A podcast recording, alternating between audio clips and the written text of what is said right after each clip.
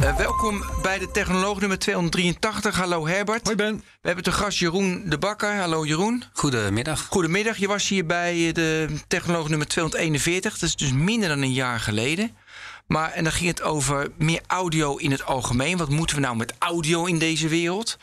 En uh, de aanleiding was Podimo. Um, daarom zit je nu hier weer. En we gaan waarschijnlijk ook breder over audio. Maar Podimo is actueel. Die komen naar Nederland. Uh, wat is het? Wat doet het? Waar, waarom komt het naar Nederland? Wat is het businessmodel? Gaat het wat worden of gaat het niks worden? Allemaal dat soort vragen. Maar we beginnen met de vragen van onze redacteur. Want die waren zoals iedere week briljant. Maar we beginnen er nooit mee. Als je het niet erg vindt, beginnen we nog even met iets anders. Want we hebben geen hostword. Maar ik heb wel even iets anders. Oh. Um, want um, herinner jij je nog... Je gaat me verrassen. Ja, ja, ja, daar weet je niks van. Herinner jij nog Rian van Rijbroek? Natuurlijk ja. herinner jij je ja. Rian van Rijbroek. Um, wij uh, hebben haar ooit geïnterviewd. Zij is groot nu succes, dat moet ik nog groot even succes. Ja. Uh, wordt nog altijd veel Legendarisch. Steeds weer nieuwe pieken in de ja. luistercijfers van die podcast. En het heeft er onder andere mee te maken dat Centric en Structon en Gerard Sanderink uh, constant in het nieuws zijn dankzij haar. Tenminste, daar gaat iedereen vanuit. Um, oh, oh, ik dacht dankzij ons. Nee, dankzij. Uiteindelijk dankzij ons, want wij zijn ja. begonnen. Ja. Maar er is nu een nieuwe podcast uit van het FD gemaakt door onze collega Pauliense Wuster. Uh, die heb ik gisteravond helemaal beluisterd. Die ik is ook. prachtig. Jij ook? Ik daarvoor al. Ik wist niet eens dat je dit ging okay. zeggen. Ik heb zelf ben ik gaan luisteren. En ik vond het heerlijk. Ja, Pauline ja. is sowieso natuurlijk een topmaakster. Maar Inhoudelijk geweldig. Um, qua vormgeving vond ik hem ook heel ja. mooi. Is te vinden op Spotify en bij het FD zelf. En, uh, en jij komt erin voor? Uh, ik zat er zelf ook nog Mijn in. Ik heb mogen voor. Ja, precies. Ik heb mogen uitleggen uh, hoe wij, hoe onze uh, podcast met ja. Rian van Rijbroek nou precies tot stand kwam. Dus wij wouden dat onze luisteraars eventjes aanbevelen. Ja, het is echt een bij deze. Maar het is een mooie case is dat. Joh. Achter gesloten deuren heet Zo heet hij, ja. En als je dan googelt en dan met sanddrinken bij of iets dergelijks, dan komt het helemaal goed. Ja, was prettig, ja. Oké, okay, dus uh, heb je hem al geluisterd? Achter gesloten nee, deuren? nog niet. Het is echt een tip. Ja, zeker. Want, uh, want jij houdt van uh, podcast, dat heb ik gelezen. Je houdt ook van die Pim Fortuyn ja, podcast. Ik, ja, zeker. Ja. Ja. Dat ik is had... actueel nu. Pim. Actueel? Ja. Oh ja, dat is... Ja, die is pas... Ja, we nemen dinsdag ja, op. Zes, ja, zes de, mei, ja, de zesde. Ja, ja. Ik heb toevallig heb ik uh, die, uh, de tv-serie achter elkaar gekeken. Ja. Ik kan niet meer een week wachten, daar kan ik niet tegen. Nee. Maar er schijnt ook een podcast te zijn, las ik in een bericht van jou. Ja, ja zeker. Nee, de, ik vond uh, tv ook uitermate amusant, nou. moet ik zeggen. En, en goed, goed gespeeld. Maar het is wel heel leuk om het verschil dan toch te zien van hoe je een tv-programma maakt. wat moet entertainen, denk ik toch, waar drama in zit. maar de podcastreeks is eigenlijk veel echter, veel journalistieker gemaakt door het NSC. En de, een verdieping zat erin, zei jij. In. Ja, zeker. Ja. Nou ja, kijk, bij, bij uh, dat tv-programma zie je dat er gewoon een paar verhaallijnen zijn. Uh, bijvoorbeeld over Matt Herben zit erin. En, en uh, uiteraard um, onze PvdA-politicus, uh, Melkert. Ja, Melkert ja. maar dat zijn eigenlijk een beetje de beperkte verhalen. Terwijl in de podcastreeks gaan ze natuurlijk veel breder met broers en familie. En mensen die in zijn omgeving hebben gewoond. En dus het, het gaat eigenlijk dieper. En, en ja, geeft denk ik een, een beter beeld. Uh, nog dan het tv-programma. Uh, wat overigens uh, ook een groot succes was en kennelijk ook een jong publiek aansprak. Dus dat is, dat is denk ik ook goed. Dus het is, het, is, het, is, gewoon een verschil. Maar wel leuk om te zien dat de aanleiding was natuurlijk 20 jaar Fortuin dood. De ene maakt een podcast, de ander maakt een tv-programma. En dan zie je verschillen. Oh, dus de NRC en de, M en NPO hadden dat niet? En nee, niet los. Ze hebben het los van elkaar geproduceerd. Helemaal los. Ja, oh, ja, ja, wat jammer is, want je ziet juist uh, in Amerika ook hè, dat van The Crown bij Netflix heb je eigenlijk gewoon uh, de serie op Netflix, maar ook de podcastreeks. En je ziet eigenlijk daar steeds meer producties die zowel in video als audio plaatsvinden. Uh, en vanuit één productieteam worden gedaan. en hier zag je dat gewoon twee losse producties waren, toevallig met de aanleiding ja. 20 jaar geleden Pim Fortuyn vermoord. Oké. Okay. Prachtig. Uh, nou, dus eerst uh, Daniel zijn vragen, want die waren zoals iedere week briljant, maar we behandelen ze nooit. En dat is toch gewoon. wij vonden het zelf. Toch wel een keer gebeurd. Nou heb ik ze niet gelezen. Ik dacht, je luistert toch nooit naar Daniel. nee, maar ze komen altijd wel op. Nee, maar de eerste vraag van Daniel, ik ga hem helemaal voorlezen. Waar komt Podimo ineens vandaan? Ja, uit Denemarken met ja. een hoop geld. Klein stukje geschiedenis is misschien wel leuk. Ja. Maar, maar, voor mij was het toch iets nieuws. Ja. Uh, en waarom kiezen ze dan Nederland uit? Er zijn heel veel vragen in één bullet, dat weet ik ook. Maar dus de eerste is, waar komt Podimo ineens vandaan? Nou, het, het gaat natuurlijk vooral om uh, de founder ervan. Uh, en die, uh, ja, dus die uh, Morten Strunch, als ik, ik weet niet of ik het goed uitspreek. Ik heb hem overigens wel eens ontmoet. Maar die heeft ooit Mofibo gehad. en Mofibo was denk ik een soort blendel. Een soort boekenservice. Ah. daar was hij al vanaf 2014 mee bezig. Dat heeft hij verkocht aan Storytel. Toen is hij zelf ook Chief Operation Officer geweest van Storytel. He, dus Storytel is eigenlijk uh, de, ja, de, de luisterboeken, audioboeken uh, app... die overigens in Nederland ook behoorlijk succesvol is. Uh, en daarna is hij eigenlijk Podimo begonnen. Dus hij, hij zat al een tijdje in, in, in, ja, in, die wereld. In die wereld, ja. Maar toch even, was toen wat hij verkocht... zat er ook audio bij? Of waren het net zoals Blender alleen artikelen? Blender begon later met voorlezen? Uh, nou, ze, nee, ze, ze lazen ook boeken voor. Ze lazen dus, boeken Ja, dus er zat al iets Ook van toen audio al? in. Ja, ja, ja. En zeker. jij zegt Storytel is in, even, even tussendoor. Jij zei dat is succesvol in Nederland. Ja, Daar geloof ik niets van. nee. Dus cijfers? Nou ja, ik, uh, ze praten niet over cijfers. Nee, dat doen ze maar uh, in ieder geval van, van mensen die er wat dichterbij... lezen dat wel. Ja, maar van mensen die er wat dichterbij betrokken zijn... Uh, wordt in ieder geval altijd wel de indruk gewekt dat het gewoon een, een, een, een winstgevende operatie is in Nederland. Oké. Ja, joh. Joh, wij vallen even stil. Ja. Maar oké, eh, naar de volgende vraag van Ja. Daniel. Waarom eh, eh, richt Podimo dan opeens zijn pijlen op Nederland? Nou, ik denk dat ze. kijk, ze hebben sowieso een strategie om in Europa eh, voet aan de grond te krijgen. Hè, want de meeste podcastproducties komen natuurlijk toch vanuit Amerika, Engelstalig. Eh, en in Europa moet je toch een andere aanpak hebben. Want je moet in het Noors en het Duits en het Deens en het Frans. Hè, dus Ja. het, is een, het is een ander spel. En ik denk dat zij met nog een aantal andere partijen, denk ik, toch proberen om dat Europese spel te spelen. En, da- en daar gewoon waardecreatie mee te doen. Eh, dus, eh, dus ze, hebben, ze zijn volgens mij nu in zes landen ongeveer actief. En ik denk dat ze in Nederland eh, zijn gekomen. eh, en ook gelijk een forse stap hebben genomen door eh, onder andere dag en nacht eh, over te nemen. Eh, omdat we toch wel een land zijn waar meer dan gemiddeld veel mensen betaalde abonnementen hebben Ja. op eh, entertainment en nieuwsdiensten. Eh, dus ik denk dat ze de kans om dit model werkend te krijgen in Nederland eh, als ze gro- groot hebben gezien. Maar nu jij dat zo ter sprake brengt, hè, die Europese markt die zo gefragmenteerd is als ik weet niet wat. Zijn er eigenlijk succesvolle voorbeelden van, het hoeft niet per se in de podcasting te zijn of zo, maar ehm, je, als, als je als bedrijf in al die verschillende taalgebiedjes werkzaam wilt zijn, gaat dat werken? Gaat dat schalen? Of is misschien een veel beter model dat dat allemaal kleine bedrijfjes blijven? Nou ja, dat, dat moet toch eh, blijken. Ja. Dus eh, eh, ik weet wel dat bijvoorbeeld voor true crime, hè, wat een groot thema is in podcasting, ja, daar werkt gewoon vertalen best wel prima. Eh, dus dat zijn wel formats die redelijk Ja. schaalbaar Ik heb zijn. geen flauw idee, maar ik, of, of een podcast als De Technoloog. Eh, dat blijkbaar kan dat in Nederland. Nou, dat oké, fijn. Maar eh, geen idee of dat zelfs maar in België eh, schaal zou kunnen bereiken. Laat staan, vertaald of aangepast met andere kerels of met vrouwen in een ander land. Nee, dat, dat, dat is natuurlijk de goede vraag. En als je natuurlijk ook kijkt in, in tv-format land, zie je natuurlijk dat er bepaalde tv-programma's zijn die goed te formateren zijn. En Ja. ook allerlei programma's zijn niet of nauwelijks te formateren. Ook omdat vaak het, het format niet valt te beschermen. eh, vanuit een juridisch iets, waardoor het ook geen format is. eh, en, dus, en, en dus ook geen waarde. Eh, dus het is denk ik nog heel erg zoeken in wat voor soort formats dat wel werkt. En in wat voor soort formats dat niet. En ik Ja. denk inderdaad dat een, een technoloogachtig programma in het Nederlands, ja, eh, hoe schaalbaar is dat? Ja, waarschijnlijk eh, in, kan je dat in België ook wel doen, maar dan zou je daar waarschijnlijk toch ook lokale journalisten zoeken Nou, enzovoort. bijvoorbeeld. Ja. en, en misschien dat het dan alleen dezelfde naam eh, draagt, maar ja, dan kan je natuurlijk ook afvragen wat daar dan de meerwaarde van is. Ja. Zal ik eens een grappig verhaal vertellen? Ah, kom op. Ik heb een, eh, een tijd lang gewerkt voor het Klokhuis, het kinderprogramma, televisie. En eh, daardoor heb ik dit verhaal gehoord. Er werd dus een keer, eh, onze, onze chef was eh, in Noorwegen. Eh, en daar zou hij op een congres zou die, eh, één of twee eh, programma's laten zien. Dus dat deed hij. En ja, Klokhuis is een geweldig succesvol programma. Ook volkomen onschuldig natuurlijk. Er werden alleen maar dingen uitgelegd en, en sketches waarin een beetje grappen worden gemaakt. En eh, hij liet die, zo'n uitzending zien. En merkte dat de respons uit de zaal niet klopte. Dus waar gelachen zou moeten worden, werd niet gelachen en zo, weet je wel. En ehm, toen, eh, ja, de- duidelijk een gegeneerde sfeer op een of andere manier. En toen achteraf, toen in, na, na afloop met, eh, met mensen napraat, toen, eh, toen kreeg je te horen. Ja, dat was dan zoveel minuten eh, zendtijd. En er waren veel minder vrouwen dan mannen te zien geweest. Wow.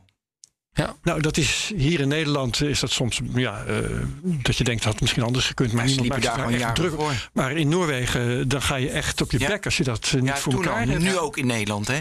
Eh, meer dan vroeger. Ja, met de maar cultuur. is nog niet dat, dat, eh, dat daar absoluut eh, bij Ja, geturfd wordt of zo. Maar goed, op dat, Ja. dat soort dingen kun je dat Nou ja, zeker. Nee, het is natuurlijk altijd eh, ehm, belangrijk om de lokale cultuur ook goed te snappen. Eh, en, eh, maar ik denk wel dat, dat bedrijven daar ook wel beter in worden. En ook wel snappen welk deel kan je misschien centraal produceren. Ja. En wat moet je lokaal Tuurlijk. doen. En als je het gaat doen, dan word je daar ook gewoon beter in. Ja, dat dan nog wel. Ja, En met- ook. En met True Crime, dat zei je in een tussenzin, dan kan je gewoon de storyline en doe je dan in het Duits. Frans, ja, ja, eh, dat is, ja, Zweeds. ja, dat, is, dat blijkt een relatief makkelijk eh, te vertalen eh, eh, iets te zijn. En, en andere shows moet je misschien meer lokaliseren. En dan Ja. komt er meer werk bij kijken om het aan te passen. Is misschien het basisidee wel hetzelfde, eh, maar de invulling anders. Eh, en dat kost dan natuurlijk meer geld. En maakt dan uiteindelijk natuurlijk de kosten voor productie hoger. Eh, en, en dus ook dan weer moeilijker succesvol te vermarkten. Ja. Ja, maar als je kijkt naar ehm, de format van, moest ik ineens denken, van Talpa, dat is wel gewoon één format, Nederlands format,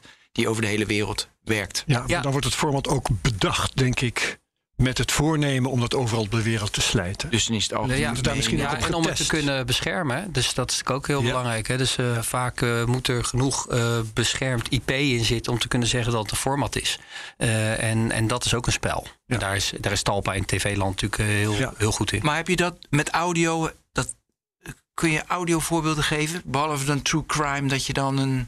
Eh, nee, nou ja, we zijn bijvoorbeeld zelf nu voor een, eh, een, een, een niet nader te vernoemen productiemaatschappij aan het kijken van of we eh, podcastformats kunnen ontwikkelen die dus eigenlijk te formateren zijn. Ja. Hè? Dus die, we- die te beschermen zijn. Eh, en Ja. ik denk Ja. dat dat wel eh, ook de, de, de toekomst is. Ik vind. Business Wars vind ik echt een format waar ik graag naar luister. Ja, En dat, vind, dat is echt een format. ja. En dat kan je ook, want ik heb er vaak gezeten, dat moet ook in Nederland. Ik wil de Business War Ja, eh, ook in Nederland. Nou, weet je, als je dan lokale versies ook maar gewoon lokaal laat maken, dan worden die culturele verschillen vanzelf wel overbrugd. Dan zijn er gewoon kleine Ja. tweaks in het format die doorgevoerd worden en is het oké.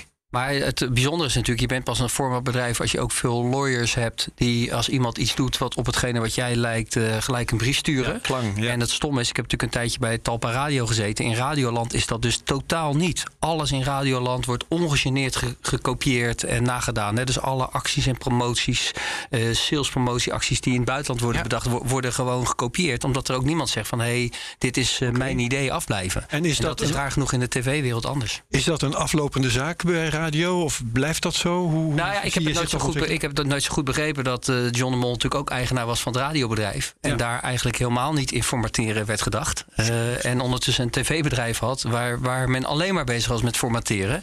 Eh, en eh, ja, nogmaals, in Radioland eh, en podcastland ligt natuurlijk redelijk dicht tegen Radioland aan. Ja, is audio voor mij. Wordt, dus ja, wordt, wordt eigenlijk alles wordt, gewoon ongegeneerd gekopieerd. Maar jij zegt er zou dus een. Jij ziet de ontwikkeling dat je wel formats met audio maakt. Ik noemde het Business Wars, maar nu ik er verder over nadenk, denk ik Business Wars. Ja, dan verander je drie dingen en is het format anders. Dus ja, weet je, waarom zou ik dan een licentiekosten betalen aan Business Wars? Qua marketing kan ik me wel voorstellen. Weet je, Ja. de, weet je Business Wars in Dutch. Dus dat zou ik nog wel. Ja, Of Europa, nou, moeilijk. Maar, eh, dus jij ziet daar een trend in dat er straks lawyers erop zetten. En dat, je, dat wij ons format van de technoloog gewoon keihard gaan verdedigen. ja, dat kan ik me wel voorstellen. Ja, dan moet natuurlijk wel ook echt uniek zijn. helemaal geen format. Ja. Nee, Nee, waarom nee, je hebt geen format. Dus Maar nee. dat is het format. Dus alles wat geen format heeft, dan zoeken we iedereen. Nee, maar daar heb je dus experts die weten hoe je iets formateert en hoe je iets kan beschermen. Ja, en ook wanneer een eh, maker een, eh, je, je format pikt en er net genoeg of net niet genoeg aan zit te versleutelen om buiten schot te blijven. ja. Precies, ja, ja, ja. Ja. Hey, we gingen er net aan voorbij van, eh, ken jij voorbeelden in Europa waarbij je lokaal content maakt en die wel succesvol zijn? Toen daar gingen we overheen. Ja. En ik zit nu al de hele tijd te bedenken wat, wat, wat, wat. Ik kom maar niet goed. Nee, ik vind het ook moeilijk om onwijs te, te lastig. beantwoorden. Ja. Want zelfs al gewoon techbedrijven. Ik dacht aan thuisbezorgd. Weet je, in Duitsland goed, in België goed. En in Nederland goed. Maar schalen is moeilijk. Nou, hele, hele gedoe natuurlijk met die beurskoers die daalt. Zelfs techbedrijven, dus Spotify lukt. Ja. Maar voor de rest is dat... En Adyen natuurlijk, want dat kan gewoon global. Ja, ja, maar dat is ook technologie natuurlijk vaak, schaalbare technologie. maar als je lokale content... Dat, is- dat, dat kan niet, nee. Nee, maar ik denk wel dat, uh, en dat gaat misschien een beetje uh, al uh, voorop lopen op waar we misschien uit zouden komen. En we zijn nog bij de eerste vraag van Daniel. nee, nee, maar, nee, maar daarom, ik, heeft wel alles met elkaar te maken. Kijk, ik denk dat ehm, YouTube heeft de head of audio aangenomen. Netflix heeft een head of audio aangenomen. Dus ik, ik denk dat die streamingbedrijven, hè, die, die worden gewoon streamingbedrijven van audio en van, van video. En misschien zelfs ook nog van games hè, in dezelfde context. Ja, wat je dan gaat doen is toch merken creëren die die uh, een videoverschijningsvorm hebben, een audioverschijningsvorm hebben. Want uiteindelijk gewoon interessante uh, mediaconsumptie uh, items zijn die, die, die, consumenten graag willen, ja. willen, willen consumeren. Oh, maar dat is best, vind ik best opzienbarend. Dat de, de YouTubes en de Netflixen van nou. deze wereld, dat die gewoon naar audio zitten te kijken. Ja, die zitten hard naar audio. De concurrentie aan, want dat is, dat is zo'n vraag. Hè.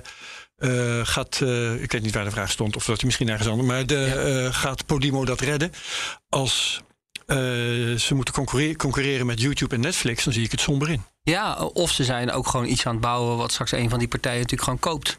Uh, ja, dat, dat, dat, dat, dat, dat, ja, dat, dat sluit natuurlijk ook helemaal niet uit. Kijk, ja, ik, ik, ik, denk dat die, als je nu ook naar die hele videomarkt kijkt, hè, we hebben nu weer HBO Plus en Viaplay erbij gekregen. Ja, hoeveel ja. abonnementen kan je hebben? Dus uiteindelijk zullen die, die streamingbedrijven, die toch concurreren met de grotere Nederlandse mediabedrijven die, die er nog zijn, ja. die zullen natuurlijk toch bezig zijn met uh, hoe kunnen we zoveel mogelijk mediaconsumptietijd. dat, dat zijn twee mechanismen die wijzen in de richting van, hoe noem je dat ook weer, consolidatie. Ja. Um, in de eerste plaats de schaal. Hè, grote bedrijven werkt nou ja, misschien goedkoper. En um, wat zei jij nou ook weer? Uh, dat mensen maar zo weinig, maar zoveel abonnementen ja, kunnen verwerken. Ook, ja. En ja, dus als je consolideert, dan is de schaal beter en hoeven mensen minder abonnementen te hebben. Ja, zeker. Ja. En dan heb je gewoon uh, een abonnement op iets wat en audio is en video. En ik denk dat een bedrijf dat, als Amazon dat, is daar al klaar voor. Want Amazon zit natuurlijk gewoon al dik met zijn prime in video. Uh, ze zitten natuurlijk met hun voice speakers enzovoort. Zitten ze ook in, in, in, in stem, hè, in geluid en in muziekdienst. Dus die, die komen eigenlijk al bij elkaar. En nou, YouTube is Google natuurlijk. Nou, na, ja. na Google is YouTube de grootste search engine. Uh, wij zetten ook best wel vaak uh, video-versies van podcast op YouTube, omdat je daar ook gewoon nog een heel stuk bereik haalt. Ja, ja, heel veel mensen gebruiken gewoon YouTube als, als luisterplatform. dus, dus ja, ik, ik denk dat het, dat het daar de, de grotere consolidatie vanuit de Amerikaanse techbedrijven plaats gaat vinden. En daar staat Spotify ja. dan volgens nog natuurlijk uh, in zijn eentje meer vanuit een muziek uh, aanvliegroute. Uh, en hebben we natuurlijk gewoon de Nederlandse mediabedrijven die weer vanuit een andere, meer journalistieke aanvliegroute zich begeven in dat veld. Ja. Um, mag, ik ja. nou even over Podimo nu? Zeker. Ja. Wil je, kun je me iets vertellen? Want ik heb het expres niet opgezocht, want ik dacht, dat kost mij tijd en ik vraag het jou. Ja. Uh, Podimo, even, dus die Morten heeft zijn bedrijf een keer verkocht, dus daar zal die 10, 20 miljoen over hebben gehouden, dus dan stopt hij ook weer hierin. Ja. Uh, zitten er nog verder uh, venture capitalist in? Wie zijn dat grote? Um, een beetje, zou, ja, een beetje, wie zit er allemaal bij, zodat je in kan schatten. Joh, er gaat zoveel geld ingepompt worden. Die gaan pas een exit inderdaad als bijvoorbeeld um, Spotify langskomt. Ja, of nou, heb jij dat niet paraat? Nou, ik heb niet gekeken wie de investeerders erachter zijn. Maar ze hebben recent dus echt veel geld opgehaald. Hè? Dus, uh, Tientallen miljoenen ja, of honderden ik, miljoen? Ik uh, las ergens 120 miljoen. Dus okay, dat, is okay. een, uh, dat is natuurlijk een hoop geld. Ja. Het is inmiddels een bedrijf waar werknemers, ja, ongeveer 170 werknemers kennelijk in 20 verschillende landen. Uh, dus ze zijn actief in Denemarken, Noorwegen, Duitsland, Spanje, Nederland en Latijns-Amerika. Uh, dus wat ik al zei, eigenlijk alles behalve bijna toch Engelstalige landen. Ja. want het is natuurlijk Spaans. en ehm, ja, ik, ik denk dat het in ieder geval een ambitieuze club is. En dat hij in ieder geval zijn investeerders heeft, ervan heeft kunnen overtuigen dat, er, dat hij bezig is met waardecreatie. Ja. Ja, en de, uh, dat zit hem deels in het laten betalen van luisteraars. Hè? Dat, ja. is, uh, dat is hun model en Namelijk, dat is waar Nederlanders aan zullen moeten wennen. Ja. Gaan ze daaraan wennen? Ja, dat is natuurlijk uh, een goede vraag. Uh, er gaan natuurlijk nu een aantal bekende shows uh, daar naartoe. Ja. Ik zat zelf gisteravond ook nog eventjes te bladeren. Ehm, niet allemaal zitten achter de registratie of betaalmuur. Want ik denk in eerste instantie geven ze natuurlijk nog abonnementen gratis weg. Je kan redelijk makkelijk met een trial code ja. ergens en overgangsregelingen voor als je al donateur was of zo. Precies, ja. ja. Dus, dus ik denk dat ze wel een zachte landing proberen te creëren voor, voor, de, voor het publiek wat gewend was om gratis te luisteren. En dan is uiteindelijk, ja, daar waren we in de talpartij eigenlijk ook mee bezig. Van laat eerst mensen zich maar gewoon registreren. Uh, en gewoon ingelogd gebruik is gewoon waardevoller dan anoniem gebruik. Uh, dus dat is eigenlijk al de eerste stap. Dan kan je en je advertising kan je duurder en gerichter verkopen. en je kan uiteindelijk natuurlijk mensen gewoon converteren naar, naar betaalde abonnementen.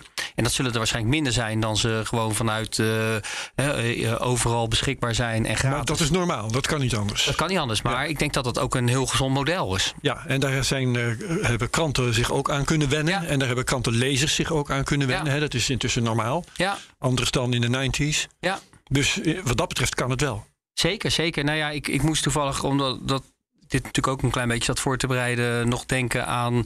Kijk, ik kom iets meer uit de merken marketinghoek. Eh, maar op een gegeven moment zijn we natuurlijk ook meer gaan doen voor mediabedrijven. En uh, de te vroeg overleden Igor Milder, die heb je ook nog wel gekend. Die had op een gegeven moment een simpel modelletje. Hè, van we gaan van one to many.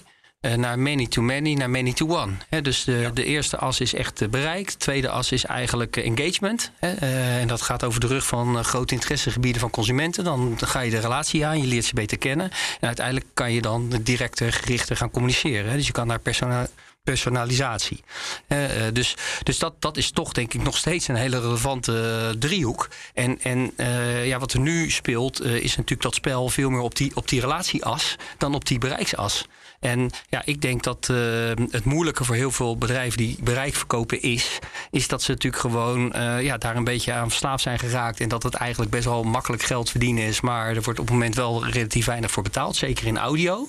En uiteindelijk gaat het natuurlijk om van ja, kan je gewoon uh, met het bedrijf Podimo straks inderdaad wat ze roepen 500.000 betalende gebruikers krijgen. Ja, dan heb je waarschijnlijk een veel gezonder model dan. Alleen al in Nederland. Alleen in Nederland, ja. Dan heb je een gezonder model dan 1 miljoen of anderhalf miljoen ongeregistreerde, of ongeïdentificeerde ja, uh, luisteraars. Ja, met alle privacygezeik uh, van dien. Ja.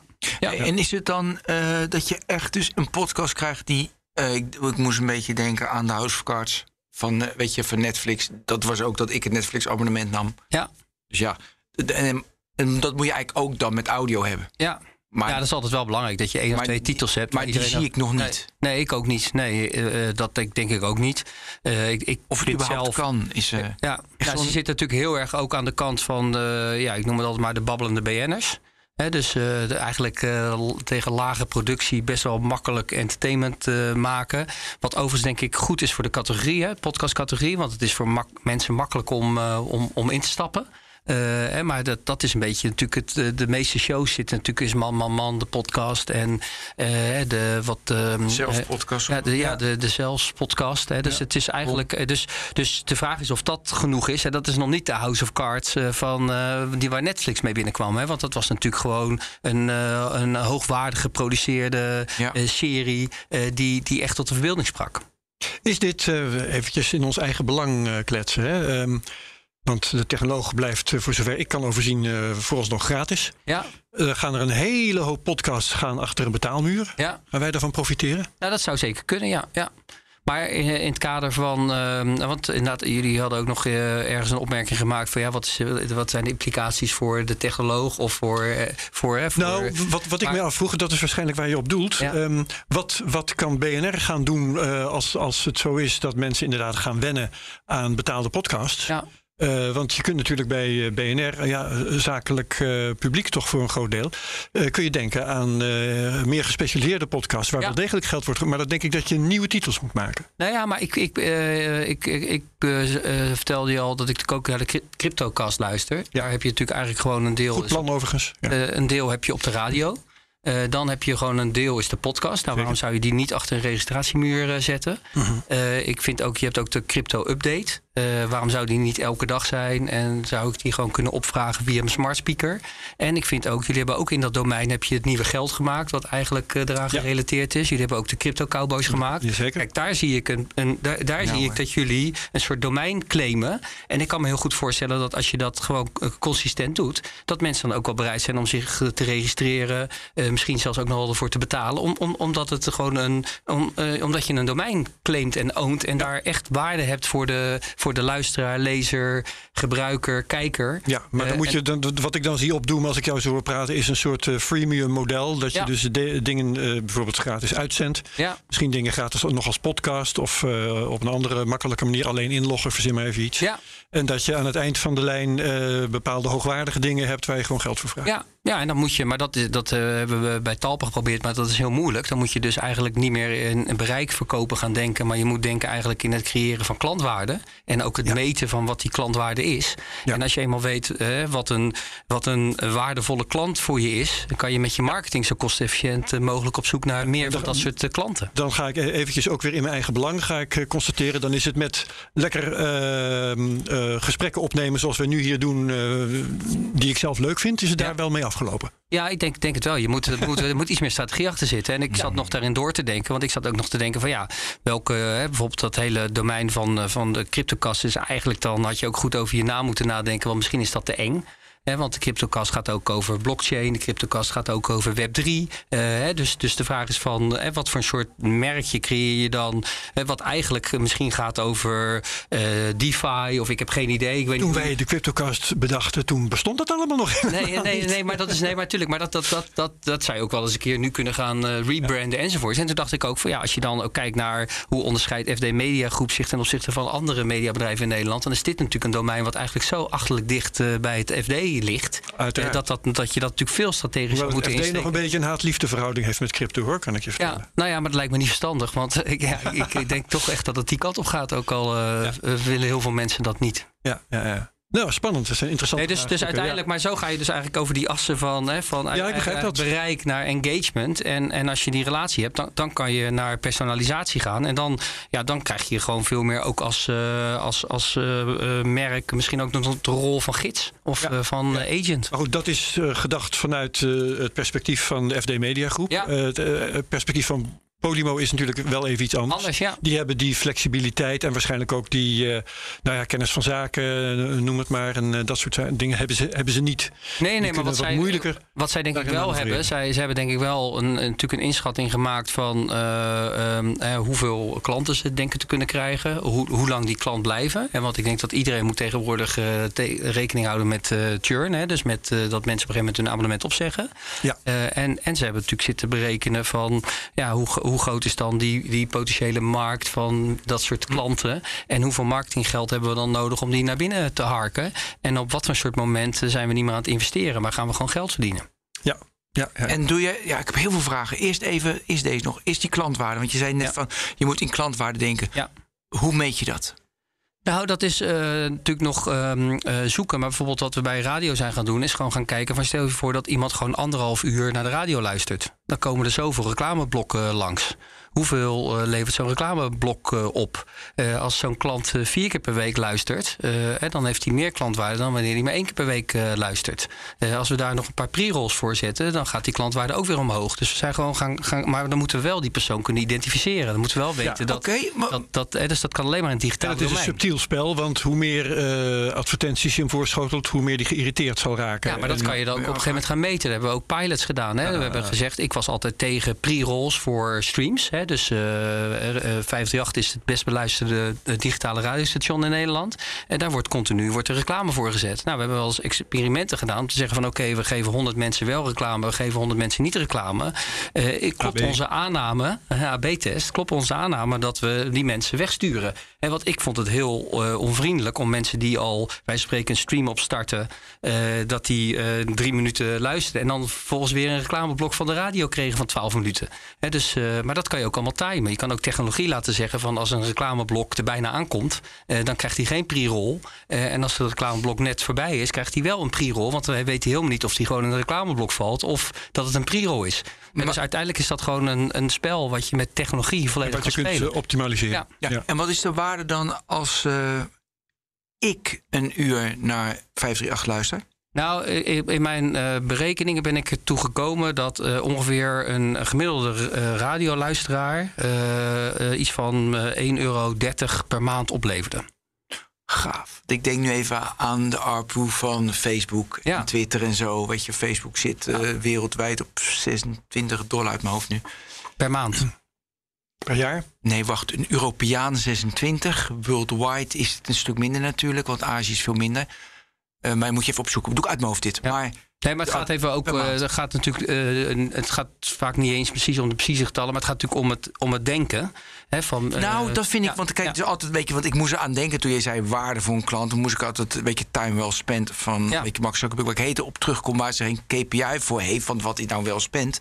Maar jij maakt nu gewoon wat je zegt met die reclameblokken. Dan kan je zeggen: oké, okay, 1,30 euro of 1 euro. Dat doet er even niet toe. Maar dan kan je dus zeggen: van oké, okay, een uur naar de technoloog luisteren. Of weet je, of voor Podimo wat, leven, wat ja. is dat waard? Nou ja, je moet denk ik als. als uh... Eigenlijk moet je de luisteraar, wij moeten de luisteraar eigenlijk betalen. Uh... Want, nee, ja, nee, want, wij, nee ja. want ze zijn waarde, ze geven aandacht aan ons. Het is schandalig dat wij ze niet betalen.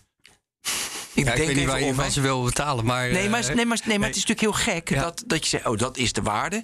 Maar ik zit constant, als ik, als ik Google, lever ik waarde aan Google. Ja, als ik eerst naar luister, dan geef ik waarde aan de persoon. Maar als je ze betaalt, dan hebben ze die waarde niet meer. Nee, dat, maar goed, het is wel grappig dat je ze dus. Want dat is ook weer met het meten, weet je, van hoeveel. Wanneer haak je af, wanneer zet je hem harder. Dat kan je natuurlijk ook. Dat heeft ook Dat soort experiment hebben we ook gedaan. Uh, om gewoon te kijken, uh, bijvoorbeeld uh, de ochtendshow. Hè, van ja, wat vinden mensen wel leuke grappen, wat vinden mensen geen leuke grappen. We hebben ook digitaal gemeten bij welke nummers haken mensen af.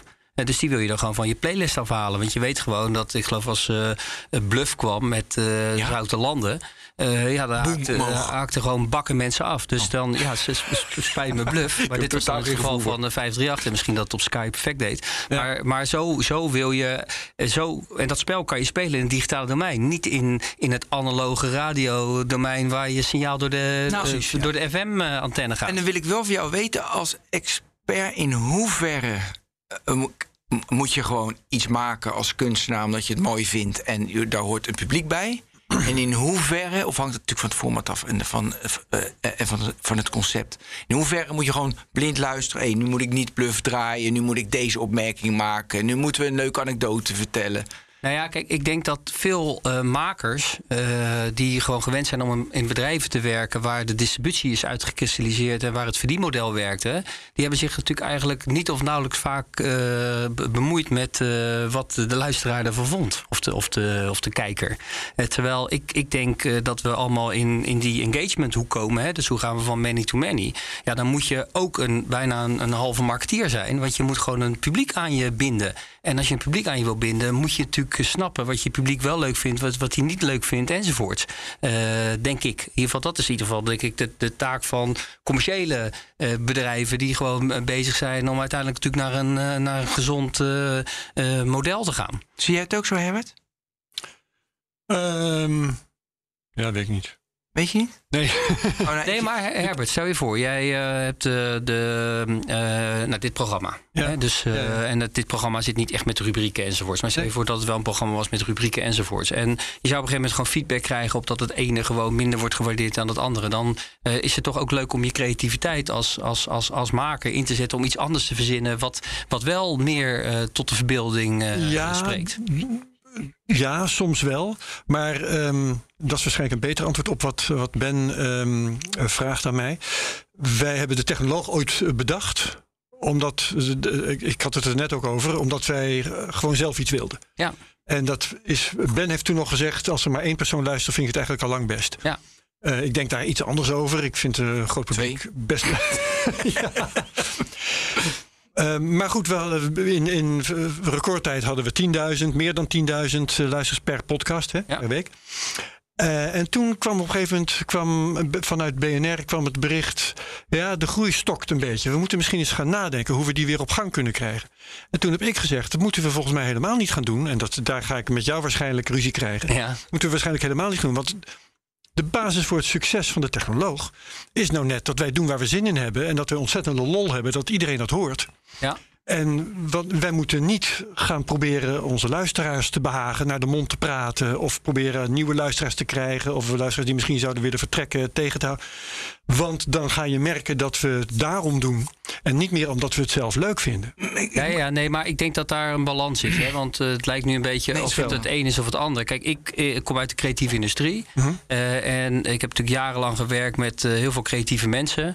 En als er iemand in de kracht van creativiteit en originaliteit gelooft, ben ik het. Uh-huh. Alleen wat ik wel heb geleerd in de loop der tijd, is dat je soms ook kwetsbaar moet opstellen. Uh-huh. En, en dingen moet aanpassen en je creativiteit weer moet gebruiken om het nog weer, weer beter te maken. Hè? nog steeds vanuit je, vanuit je strong beliefs. Maar niet blind voor, hmm. voor wat wel of niet werkt. En kijk, ik wil me niet bemoeien met de inhoud van de technoloog. Begrijp me niet verkeerd. Zeg maar, wat je wil. Maar ik zou wel vanuit, zal maar zeggen, meer de strategie van dit mediabedrijf. Eh, als je met z'n allen zegt van oké, we vinden gewoon heel belangrijk dat we van ongeïdentificeerd gebruik uh, lees gewoon luisteraars die we niet kennen. Uiteindelijk gaan naar mensen die, die we wel kennen. Omdat ons waardecreatiemodel uh, veel meer zit in een goede relatie met een groep mensen voor wie we veel meer zijn. In plaats van uh, een hele vluchtige relatie met mensen uh, waar adverteerders niet of nauwelijks meer voor willen betalen, is ook in het belang van het voortbestaan van het programma. Mm. Dat is ook weer waar. Ik wil toch reageren. Uh, ik denk dat je aan de ene kant van het spectrum heb je, heb je de kunstenaar die zich nergens iets van aantrekt, die doet alleen maar wat hij wil. En er zijn ook kunstenaars die schuiven een beetje op in het spectrum. Die vindt het juist mooi om veel van de wereld te weten, feedback te krijgen, want dat stimuleert ook uh, want dat stimuleert het kunstenaarschap, maar ze doen nog steeds wat ze zelf willen. En dan schuif je helemaal op naar de andere kant. Dan doe je puur wat de luisteraar, de kijker, de klant wil. Ja. Ja, helemaal design thinking-achtig. Wat natuurlijk in, in de, in de businesswereld alleen maar is. Ja. Nou, wij zitten met de technologen heel erg aan de rechterkant. We willen heel graag feedback mooi, want dat, eh, want dat stimuleert ons, dat maakt ons rijker. Maar ja, het is niet een, een commercieel iets letterlijk wat de luisteraar doet. Want dan krijg je de format. Dat is niet wat wij doen. Dat, Daar kan je voor kiezen. Er zijn natuurlijk wel programma's die dat doen. Wij doen dat niet. Uh, dus ik denk dat je op die schaal constant kijkt. En jij zegt, schuif alsjeblieft een beetje op naar dat feedback, dat er wel iets gebeurt. Weet je, dat er voor de nou, commercieel in, in, in, de, ja, in, in relatie tot de discussie die we over Podimo hadden. He, dus, ja, uh, want, want nogmaals, daar, he, want, want uiteindelijk, uh, als je kijkt naar de Nederlandse podcastmarkt, he, dan heb je natuurlijk de grote uitgevers die podcast maken. Nou, die worden ook allemaal netjes gemeten door Audify met dat NLO-onderzoek. Maar we hadden natuurlijk drie grote onafhankelijke publishers. We hadden Dag en Nacht, we hadden Tony Media en we hadden Topcast. Nou, Topcast is ermee gestopt. Uh, toch omdat ze gewoon onvoldoende geld konden verdienen met het maken van gewoon best wel goede podcasts. Ik was altijd best wel onder indruk van wat ze bij uh, Topcast produceerden. Ze hebben echt best wel goede hits gehad. Maar ze konden dus niet met advertising verdienen. Nou, dan heb je eigenlijk eh, heb je, uh, en, en, en uh, gewoon betaald abonnementen, dat hebben ze niet geprobeerd. Hebben ze, hebben ze, hebben zij, nee, nee. Nou, dan heb je eigenlijk Tony Media. Die zat, zat natuurlijk nog meer op eigenlijk, ja, we noemen het eigenlijk influencer podcasting. Hè, dus gewoon bekende Nederlanders enzovoorts. Ja. die wel een podcast maakten, maar een groot gedeelte van wat zij ook aan bieden, is ook social media campagnes en dat soort dingen. Zeker ook aan adverteerders. Die hadden, die hadden een iets, iets gezonder model. En die hebben natuurlijk ook geprobeerd om eens een keer de, uh, de podcast van uh, Schimmelpenning en, en uh, dus de, de Zelfs podcast. Zelfs podcast, om die een keer met betaald te doen, hebben ze wel eens geprobeerd. Is niet helemaal gelukt. nou, die, die hadden we en dan hadden we eigenlijk dag en nacht. En dag en nacht was eigenlijk de grootste, had de meeste titels. pakte denk ik ook het grootste gedeelte van het geld wat naar podcast podcastproducenten in Nederland ging. Maar die waren ook al natuurlijk heel erg hard bezig met die Vriend van de Show platform. Dus die waren ook al met een alternatief verdienmodel bezig. Nou, dan zijn we een paar maanden verder. De Topcast is er niet meer. Uh, Tony werkt, werkt samen met Podimo. En dag en nacht is overgenomen door Podimo. Dus, dus het voelt natuurlijk wel een klein beetje alsof gewoon je moeilijk geld kan verdienen. Uh, met, met um, als onafhankelijk podcastproducerend bedrijf met advertising. Ja.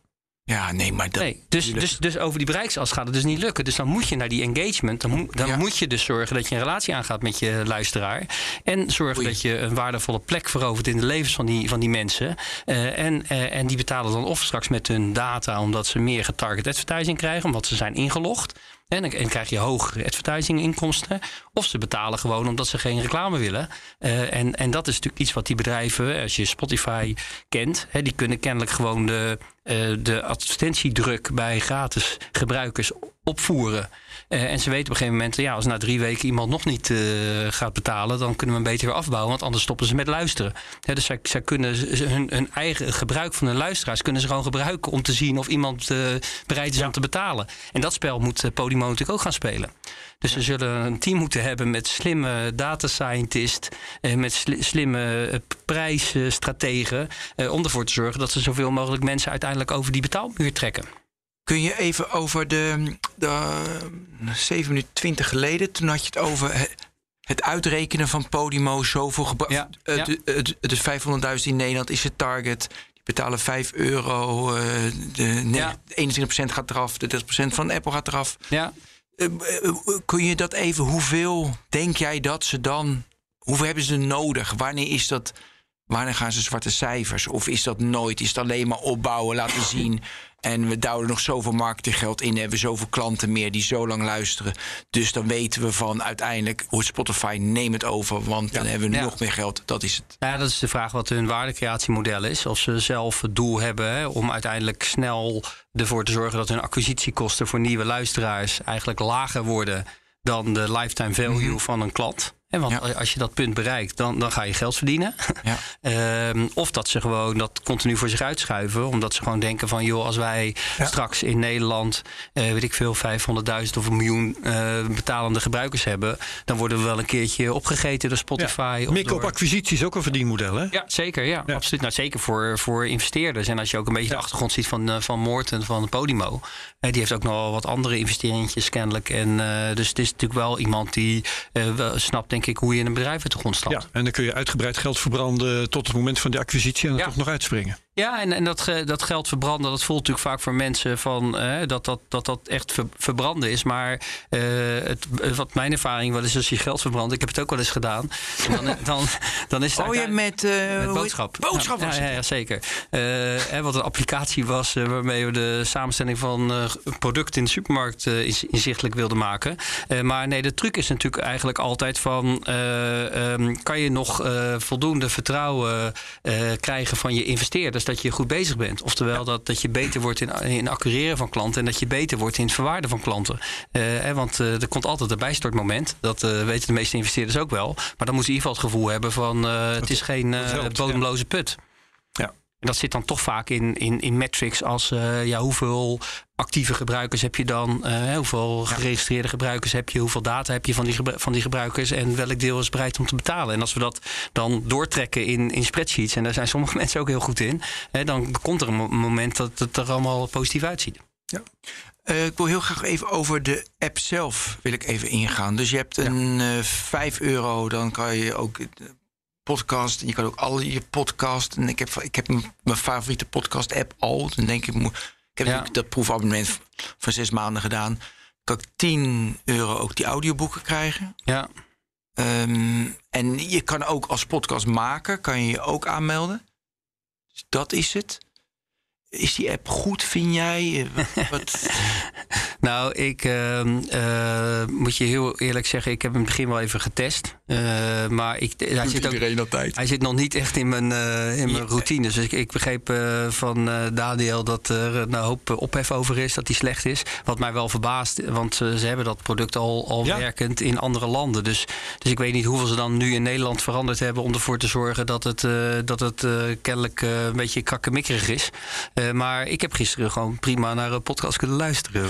Ehm, wat je zegt van, ik, ik heb mijn voorkeur naar andere dus podcast app. Ja. Dus dan moet je, moeten ze zorgen, want de podcastluisteraars hebben vaak al een, een app die ze fijn vinden. Ja. Hoe gaan ze dat nu? Hoe, ik even te denken, ja, hoe, wanneer ga ik nou Podimo gebruiken als Ja. mijn favoriete podcast Ja. app? Nou ja, kijk, ik, ik denk uh, waarom ik audio leuk vind, is omdat het nog de minst gedigitaliseerde mediaconsumptie bucket is die er is. Hè? Dus we hebben uh, lezen, kijken, kopen, uh, spelen en luisteren. Nou, die andere markten zijn allemaal verder in hun digitale maturity. Hoe komt dat? Uh, doordat heel lang uh, gewoon de big tech audio links heeft laten liggen. Hè, want het is gewoon een veel kleinere industrie dan de tv-industrie ja. uh, en, en, en dan de gaming-industrie. Uh, dus, uh, dus, dus dat hebben ze gewoon links laten liggen. Nu is het wel nog de enige bucket waar ze kunnen groeien. Hè? Want er gaat in Nederland ongeveer 200 miljoen naar radioreclame. daarvan gaat volgens nog een paar miljoen naar eigenlijk digitale audio. En de rest gaat allemaal nog gewoon naar Talpa en naar Q-Music. Hè? Dus, en, en dan nog een klein beetje naar BNR en, en, en Sublime. Nou, dus, dus, die, dus die pot met geld die willen ze gewoon nog hebben. En niet alleen in Nederland, maar ook in Duitsland. dus, dus al die Amerikaanse techbedrijven die, die richten gewoon nu hun pijlen op uh, audio. Uh, want daar, is, daar is, zit gewoon nog te groei. Gewoon in inkomsten. Uh, en dat geldt voor Apple, uh, dat geldt voor Amazon, dat geldt voor Google, uh, dat geldt in, Nederland, in Europa dan ook nog voor Spotify. Dat zijn gewoon de partijen die, die in beweging zijn. En Podimo dan een beetje. Nou, en ja, waarom? Ik, ik had volgens mij de vorige keer ook gezegd van... uh, kijk, online video is ontzettend hard gegroeid uh, afgelopen jaar. Ja. Nou, waarom kwam dat? In eerste instantie omdat YouTube kwam er. En YouTube was in eerste instantie gewoon een player... waardoor ik een videootje op mijn blog kon zetten. Nou, dat, dat weet jij waarschijnlijk ja. ook nog wel. Toen had je waarschijnlijk ook nog een blog. Uh, toen, werd het, toen werd het een destination. Dachten mensen, hey, als ik een video zoek, dan ga ik daar maar naartoe. Toen werd Google de op één na grootste search engine na, na Google, hè, YouTube. Inmiddels is het, heeft het een hele goede recommendation engine. Dus dat hele ecosysteem dat werkt gewoon. En dat werkt ook heel goed voor Google, want die verdienen gewoon uh, takken veel geld. Dus die zijn natuurlijk nu ook gewoon aan het kijken naar audio. Alleen audio heeft als probleem dat er nog niet één destination is. Nee. dus, uh, dus dat is een probleem. Uh, dat de, de vindbaarheid nog slecht is, dat de deelbaarheid nog slecht is, dat er nog geen goede recommendations engines zijn. En dat leidt er volgens mij toe dat, dat er een beetje ook een soort stagnatie zit in hoeveel mensen on iemand audio luisteren. Ja. Dat is omdat de meeste mensen weten niet zo goed wat ze moeten luisteren, waar ze moeten luisteren. ze hebben nog niet echt één app. de ene keer krijg je een podcast en dan luister ik hem in de BNR-app. En de andere keer zit ik in Spotify. De volgende keer zit ik bij Apple Music. Dus het is gewoon nog een rommeltje. En ik denk dat zolang dat gemak nog niet werkt. En, en technologie gaat uiteindelijk zorgen voor dat gemak komen er nog niet echt uh, routines. En als je geen routines hebt, dan uh, heb je uiteindelijk nog te weinig volume. En wie heeft de beste kaarten om die ene destination te worden? Nou ja, ik, ik ben dan toch geneigd om uh, Spotify te zeggen. Ja. Zeker in Nederland. Uh, ik zag overigens net de cijfers en wereldwijd is Apple Podcast groter hè, dan uh, Spotify. Kan, ja. Maar in Nederland is, is Spotify natuurlijk behoorlijk dominant. alleen Spotify heeft gewoon een enorme uitdaging. Dat ze natuurlijk ooit. ze zijn hiermee begonnen omdat ze liefde hadden voor muziek. Mm -hmm. Dat is de passie van die, van die mensen die dat bedrijf zijn begonnen. Dus dat zit gewoon in een DNA van dat bedrijf. En die moeten nu eigenlijk in die app ook podcast uh, erin krijgen. Nou, ik heb wel eens uh, de UX-designer horen praten of de CTO over hoe complex het was om een, een, interface die doorspoelen is een nummer versus doorspoelen is 15 seconden. Dat is allemaal een interface-achtige mm. ding. Daar moet een, een, search engine in, er moet een recommendation engine in. En uh, YouTube heeft dat allemaal kunnen doen op een groot scherm. Want dat was nog in de tijd dat we allemaal op het internet zaten met onze computer. terwijl de Spotify-engineers, die moeten dan nu doen met een heel klein schermpje. Waar nu ook nog eens een keer live audio in moet. Hè? Want ja. uh, we hebben natuurlijk een paar maanden geleden de Clubhouse hype gehad. Nou, die is een beetje overgewaaid. Maar live audio waait niet over, want dat komt gewoon terug. Dus ze zijn nu bezig om die en Spotify door apart Nee, maar die hebben ze nu gekild. Die, die Green Room app hebben ze nu gekild. En ze gaan nu gewoon naar Spotify Live. Hè? Dus uh, in de app. Maar dat moet ook nog eens een keer op dat kleine schermpje. Dus, dus ik denk dat ze bij, bij Spotify gewoon een enorme uitdaging hebben van hoe, hoe krijgen we die, die interface werkend. Ja. Uh, en, en, en hoe, uh, ja, hoe gaan we uiteindelijk uh, dat allemaal een, een, een goede erva ervaring laten zijn voor die, voor die gebruiker? En welk verdienmodel hangt er dan aan? Precies, want Spotify heeft dan dus de beste kaarten. Maar, ja, Spotify Live heb ik hier. Ja, die is nu, uh, ja, je hebt nu Spotify Live. Ja, apart. Ja. Dus apart ja, maar ze willen het nu echt in Spotify de... Spotify Live ja, willen ze in... Willen ze, willen ze erin hengelen. Maar dat wordt nog een hele uitdaging. Um, en Spotify is wel heel blij kennelijk met podcasts, heb ik me laten vertellen. Want als uh, mensen, de meeste mensen in Nederland hebben een premium abonnement, dus die betalen. Maar als die, zou maar zeggen, veel podcasts luisteren, dan hoeven ze die uh, muziekcampagnes ja, niet, te betalen. niet te betalen. dus het, het, voor hun is eigenlijk een podcastluisteraar een, een winstgevendere luisteraar dan, wow. een, dan een muziekluisteraar. Ja, maar dat is de reden dat ze natuurlijk, wat ze verdienen natuurlijk uh, geen ene pepernoot, dat hele Spotify. Op muziek is het moeilijk, ja. Nou ja, Ja. als je naar de jaarcijfers kijkt, is het natuurlijk dramatisch. Want muziek moeten ze, moeten ze, moeten ze alles, alles afdragen. Daarom podcast. Maar dan heb jij weer van, ja, en die podcastmakers, die, die, ja, die moeten ook wat, eh, Nou ja, wat dat is, verdienen. dat is natuurlijk, dat is denk ik wel. Ze hebben dat, Dat weer lastig. wil ik, ja. Nee, maar ik Tenzij je vind- Joe Rogan heet. Ja, ja maar die heeft natuurlijk ook wel zijn uitdagingen. Eh, eh, nee, maar ik- kijk, ik, ik denk dat de. eh, ik ben alleen maar eigenlijk blij met de komst van, van Podimo in Nederland. Want ik, ik, ik, ben, ik, ik denk dat we alleen maar naar hoogwaardige contentproductie gaan.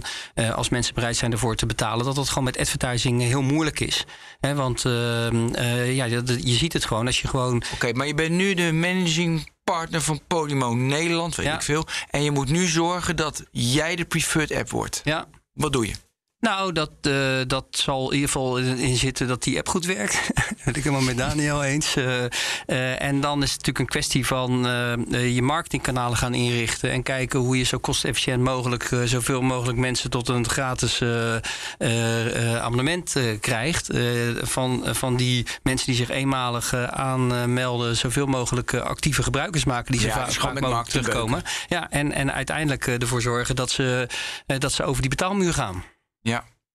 En, en daar zou je al, al je knoppen die je nu hebt eh, voor moeten inzetten. Inclusief de, de content die je dan hebt, eh, eh, waar je een aantal titels eh, hebt die in ieder geval eh, eh, eh, bekend zijn. Mhm. Ja, en ehm, misschien kan er nog geïnnoveerd worden. Hè? Ik heb een paar dingen opgeschreven van ik dacht, eh, die zijn misschien nog wel in te zetten. Ja, Ehm, spraakherkenning bijvoorbeeld, eh, om, om de, de zoekbaarheid te, te, Ja. te, eh, verbeteren bijvoorbeeld. Ehm, rechtenbeheer om dingen te doen met eh, auteursrecht. Dat, misschien, nou, ja, dat is dan misschien toch weer een nadeel als Spotify ook auteursrechten moet gaan betalen over Ja. podcasts. Ik, ik weet het niet, maar dat zijn allemaal dingen die nog weinig gebruikt worden Ja. in de context van podcasting. ja zeker. Ja, ja nee, zeker. Nee. intelligentie. Ja. Nee, klopt. Nee, nee maar ik, nogmaals, ik, ik, denk dat ehm, als, als je eh, ziet. hè, nogmaals, wij kijken natuurlijk heel erg eh, vanuit een eh, Nederlandse eh, en Europese bril. Hè, maar eh, in Amerika eh, eh, beweegt Amazon zich ook in dit domein. Eh, Google. Eh, ja, ik denk dat, dat die, eh, die technologische problemen van vindbaarheid en dat soort Ja. dingen, die gaan gewoon opgelost eh, Wat, worden. is- wat is de belangrijkste innovatie die nu... Je kunt eh, echt, echt hele grensverleggende dingen kun je niet voorspellen. Maar wat Nee. is de belangrijkste innovatie die nu nodig is... die podcasting mist en die het moet hebben? Nou ja, ik denk vooral wat ik net zei, dus vindbaarheid, Ja. deelbaarheid en goede recommendation engine. Ik denk dat dat het belangrijkste is nu. Je hebt het een beetje hetzelfde, denk ik. Ik weet niet hoe vaak jullie eh, nog eh, naar de Netflixen kijken. Maar in het begin was het natuurlijk heel erg van... eh, je moet House of Cards zien, je moet dat zien, dus zien. Maar als je een beetje door dat lijstje van dingen die je moet zien heen bent... en je zit daar een beetje doorheen te, te bladeren... wordt het ook alweer lastiger om iets te vinden wat bij je Ja. past. Dus, dus uiteindelijk moeten ook, denk ik, die bedrijven...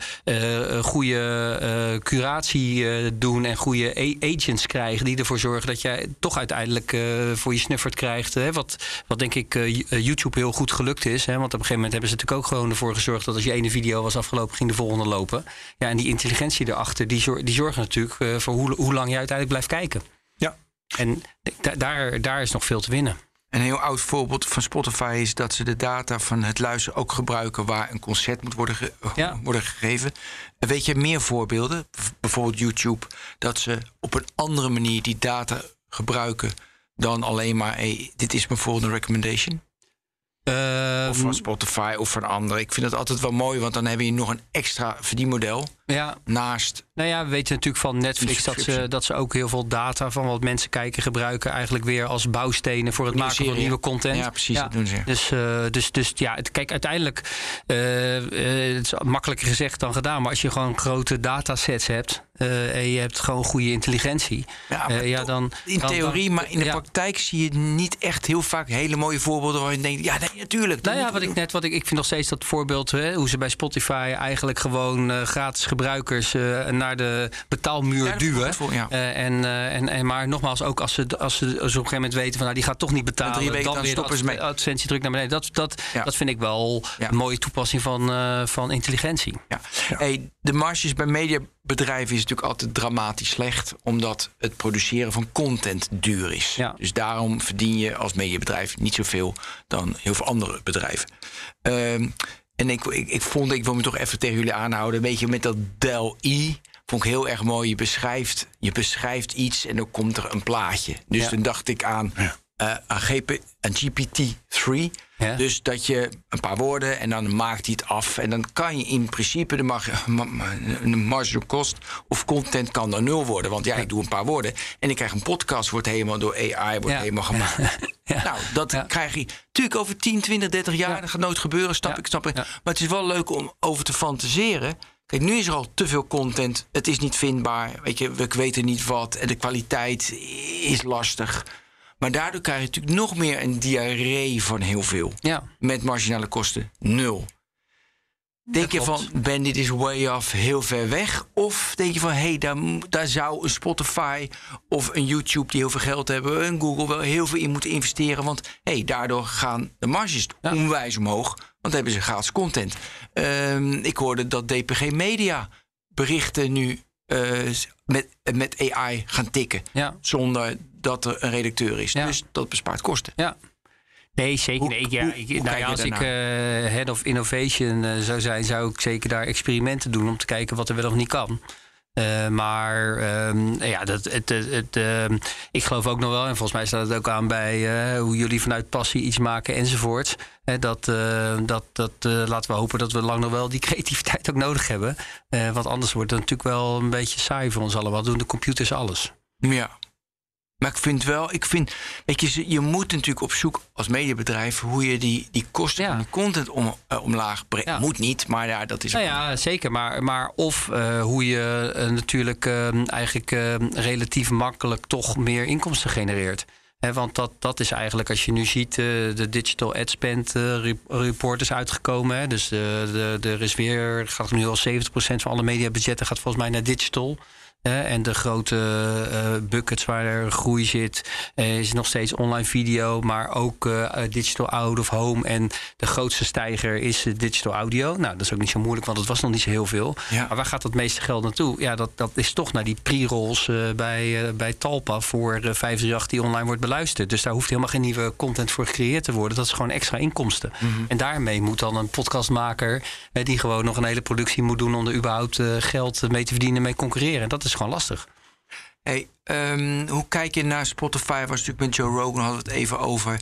Over dat hij problemen had, want hij heeft extreme uitspraken. En Ja. moet Spotify moet ineens gaan modereren. Wat ze Ja. helemaal niet gewend zijn, want het zit niet in de cultuur, want ze hebben gewoon zijn een muziekplatform.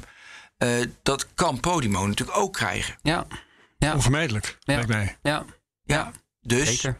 Dat, dat moeten ze dan maar gewoon doen. En dat maakt niet uit. Ja, nou, ik denk dat Spotify ook al heel erg op zoek is. Hè. Ze hadden ook eh, de Obama's onder contract gezet, maar die hebben voorlopig nog niks gemaakt en het is gestopt. Dus ze, zijn, eh, ze hebben ook een paar keer natuurlijk eh, meer eigen content k- eh, clubs gekocht en weer afgestoten. Ze zijn denk ik gewoon nog heel erg op zoek naar hoe ze dat nou het beste moeten inrichten.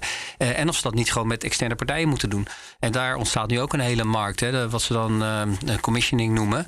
Dus dat is eigenlijk eh, wat er ook al in de videomarkt nu gebeurt. Is dat natuurlijk die bedrijven gewoon budgetten hebben en, en, en eh, pro- content producerende bedrijven gewoon uitnodigen om met ideeën te komen. Eh, en dan het, het maakbudget financieren. Ja. en, en misschien een deel van het exploitatierisico, of exploitatieresultaat met elkaar delen. Ja. Ik vind dat modereren vind ik wel een hele spannende vraag trouwens. Het, dat schiet me nou te binnen. Ehm, want eh, modereren aan de ene kant eh, is moeilijker naarmate je groter bent. Want dat gaat ontzettend moeilijk. Ja. Aan de andere kant, eh, dat zie je aan eh, eh, YouTube bijvoorbeeld met Content ID. Op een gegeven moment dan kom je een drempel over, dan kun je het gaan automatiseren. Ja. En dan kun je van alles inzetten aan eh, kunstmatige intelligentie. En dan is opeens weer de grootste die dat juist als enige met een beetje kans op suc- succes kan doen. Ja. Ehm, hoe gaat dat uitpakken? Nou ja, kijk, ik denk dat alles wat. eh, vergelijking met ja. Podimo Ja. en eh, Spotify wordt dan wordt, eh, in die vergelijking wordt het heel relevant. Nou ja, kijk, in principe werkt speech-to-text technologie al behoorlijk goed. Dus gewoon, Ja. dit kan allemaal zo Ja, omgezet klopt. worden naar tekst. Nou, dat betekent dat het door, doorzoekbaar wordt.